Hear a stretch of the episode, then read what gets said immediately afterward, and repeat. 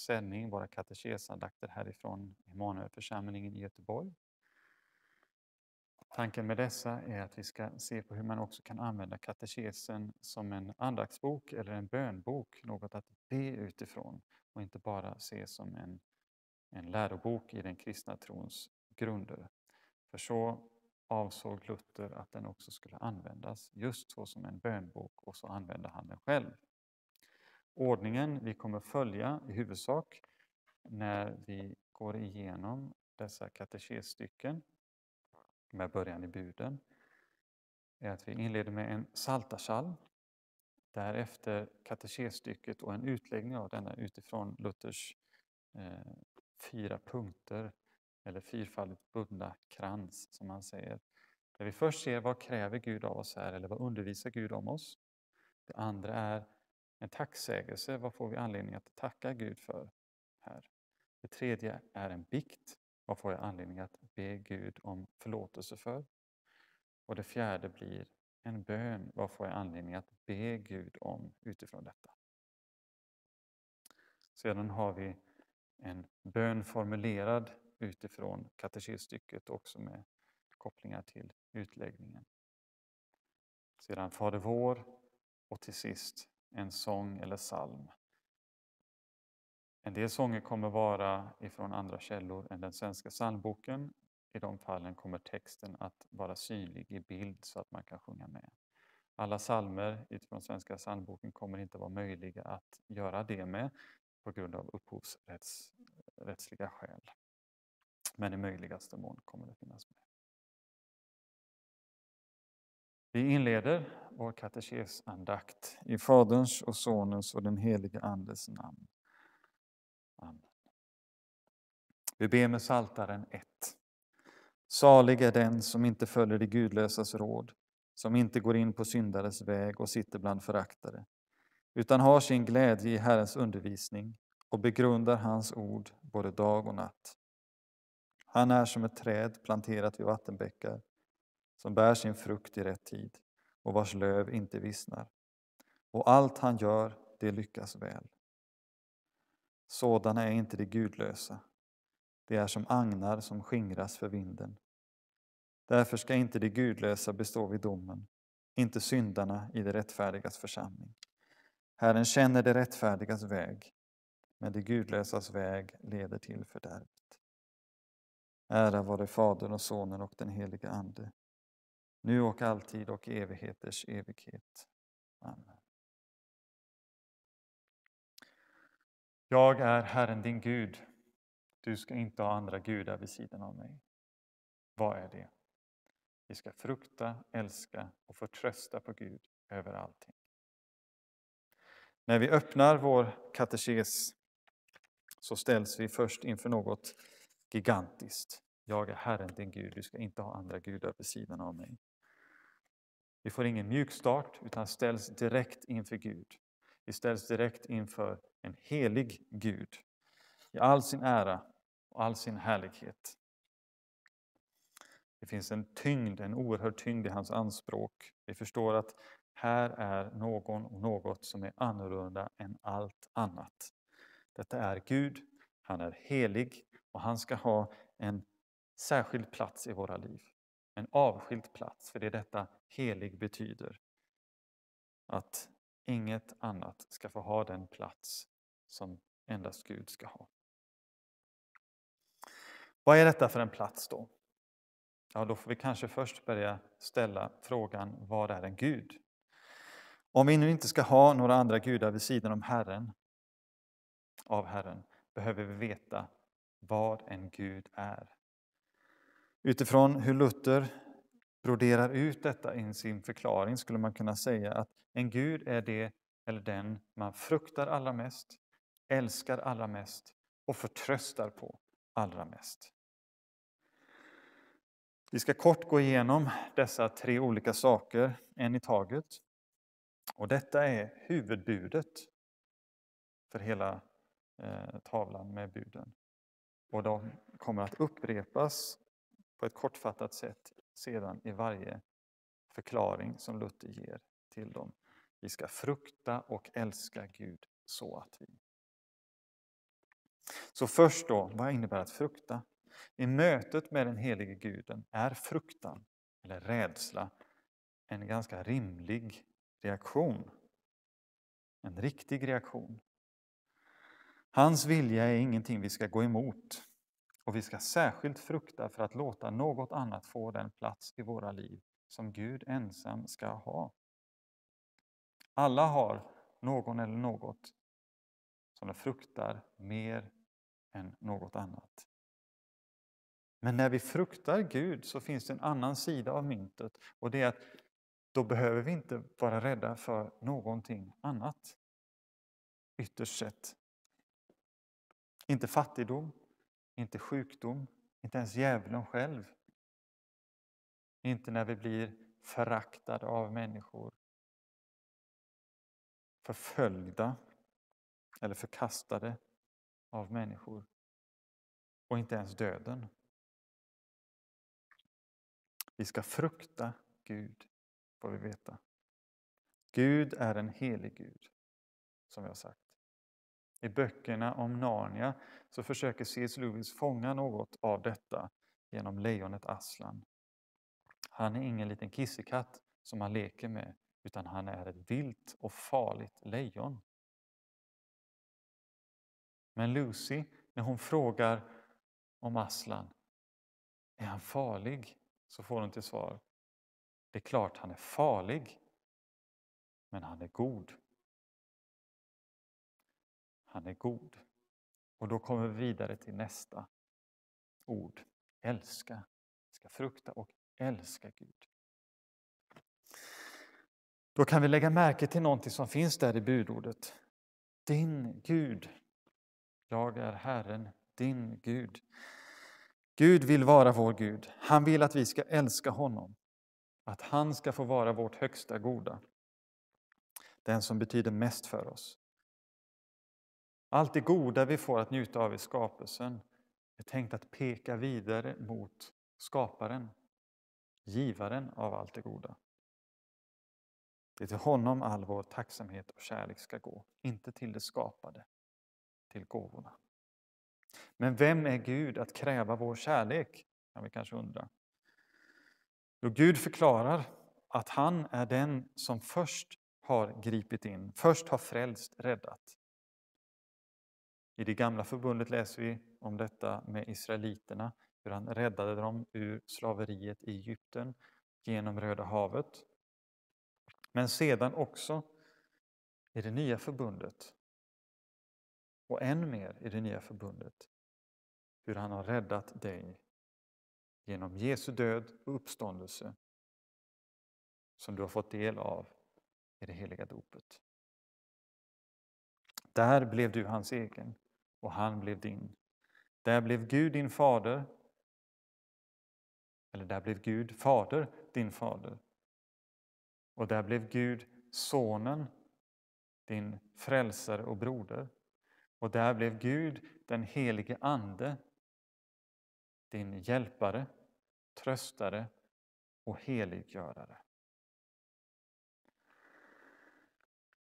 Men medan fruktan till Gud driver ut all annan fruktan så är det inte så med kärleken att kärleken till Gud inte lämnar utrymme för kärlek till något annat. Utan tvärtom, vi frigörs till att älska på ett annat sätt. Därför att han först har älskat oss. Därför att han först har älskat oss kan vi älska både Gud och människor. Också våra ovänner och fiender. Vad innebär att förtrösta på? Jo, det är att, att lita på, att lita på Gud. Det är honom jag ska ha min trygghet, i livet och i döden. Inte hos något eller någon annan. Det är hjärtats förtröstan som gör både Gud och avgud. Och Luther utlägger detta i Stora katekesen. Se till att jag ensam får vara din Gud och sök inte efter någon annan. Om du behöver något gott, så vänta det av mig och sök det hos mig. När helst någon olycka drabbar dig eller du lider nöd, så ta din tillflykt till mig och håll dig till mig. Jag vill ge dig allt du behöver och vill hjälpa dig ur all nöd. Låt bara inte ditt hjärta fästa sig vid eller söka trygghet hos någon annan. Så långt Stora katekesen. Att förtrösta på Gud är att lita på Guds ord och att lita på Guds löften. Att hålla honom vid hans ord. Och inte minst gäller detta dopets löften. Men när man förlitar sig på någon eller något annat som inte har löften med sig i skriften, då blir det i praktiken avgudadyrkan. Även om man skulle kalla det att vörda eller något annat.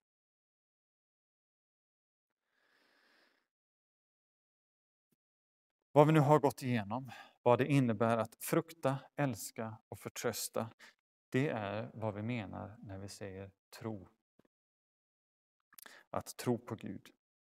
Men det är just detta som arvsynden innebär, att vi föds utan fruktan för Gud, utan förtröstan på Gud, utan kärlek till Gud. Utan tro helt enkelt. Men den heliga Ande som vi får lära oss i den tredje trosartikeln är den som måste göra sitt verk i oss. Skapa tro och sedan fortsatt utföra sitt helgelseverk i oss.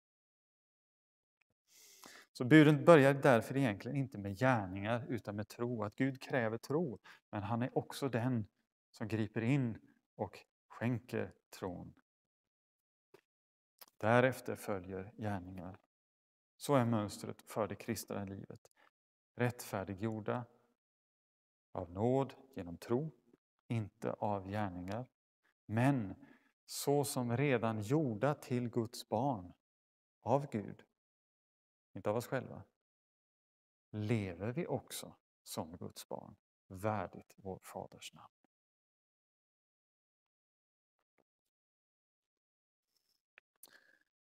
Då går vi vidare till nästa perspektiv här, nämligen tacksägelsen. Vi får tacka då Herren för att han vill vara vår Gud. Att han har skapat oss, gett oss livet och genom tron och dopet gett oss ett liv med honom, det eviga livet. Som till ett litet hjälplöst och fullständigt beroende litet barn eller spädbarn så har han sänkt sig ner, plockat upp oss, gjort oss till sina tagit oss i sin famn och skött oss och sagt till mig, sagt till dig, jag är din Gud. Du är min och jag är din. Så här får vi tacka för att vi inte behöver vara utelämnade åt oss själva i en på många sätt svår värld. Utan Gud vill att vi vänder oss till honom med alla våra behov. Och han har lovat att höra oss. Så vi får tacka också då för att när vi fruktar honom så behöver vi inte vara rädda för något annat. Eftersom ytterst sett kan ingenting skada oss. I vår mäktige Guds hand vilar allting, också våra dagar. Och inget kan hända utan att han tillåter det. Och då har han också lovat att vända det till vårt bästa. Även om vi här i världen fortfarande kan stå med många frågor och undra hur men vi har löftet. Detta, allt detta ligger i Guds hand, han har kontrollen och det ska ske till vårt bästa. Så en sann gudsfruktan gör oss fria. Även om världen tror att frihet är att slaviskt följa sina egna begär så får vi veta att vi har Guds barns frihet. Och den är annorlunda, men det är en verklig frihet.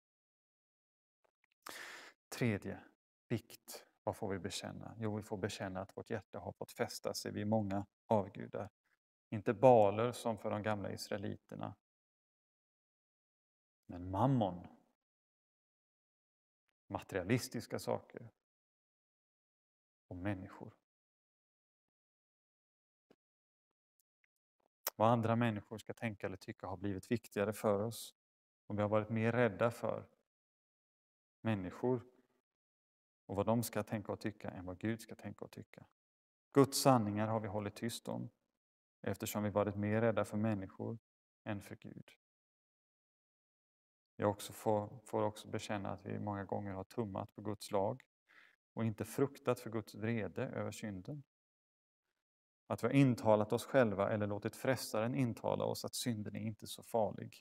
Att Gud inte är farlig. Vi får också erkänna att det är många saker som har fått ta Guds plats när det gäller vår kärlek och förtröstan. Så många andra saker det är som vi har älskat och förtröstat på, mer än honom. Älskat och förtröstat mer på gåvorna än givaren. Vi har satt vår förtröstan till pengar och rikedom, vare sig det skett när vi har haft pengar och då tänkt att nu är vi trygga. Eller när vi inte haft pengar och då tänkt att jag skulle vara trygg om jag bara hade pengar.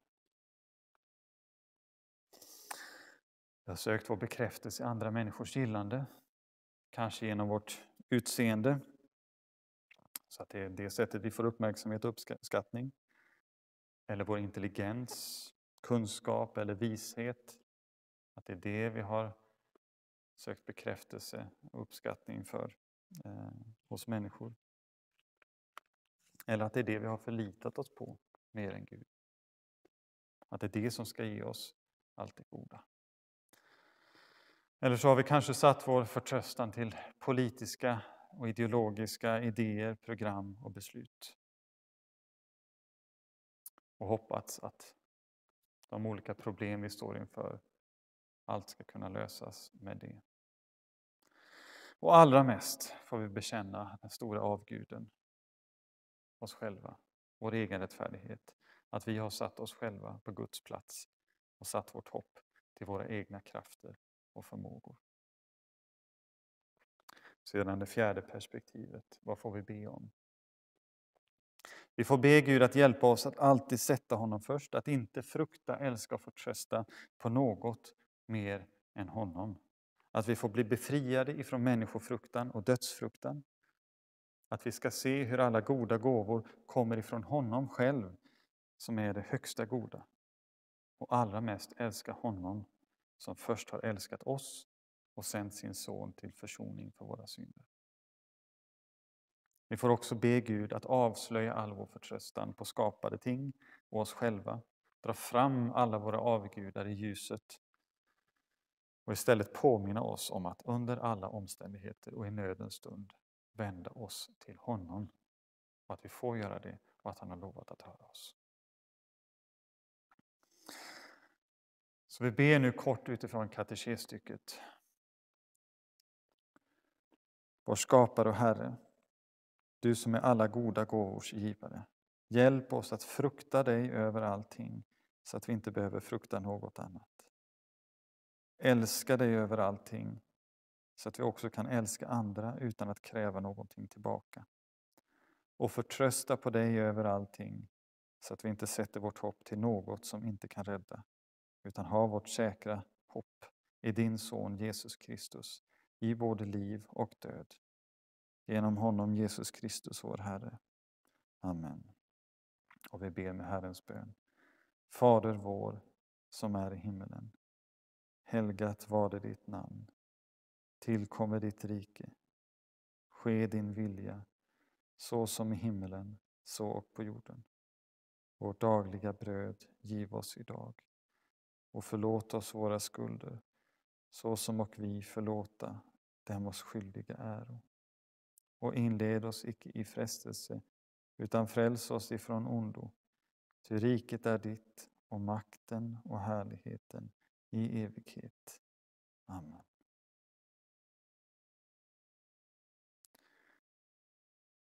Under serien över buden så kommer vi sjunga en psalm som finns i psalmen 1991. Texten kommer att finnas eh, synlig så att man kan sjunga med ur den.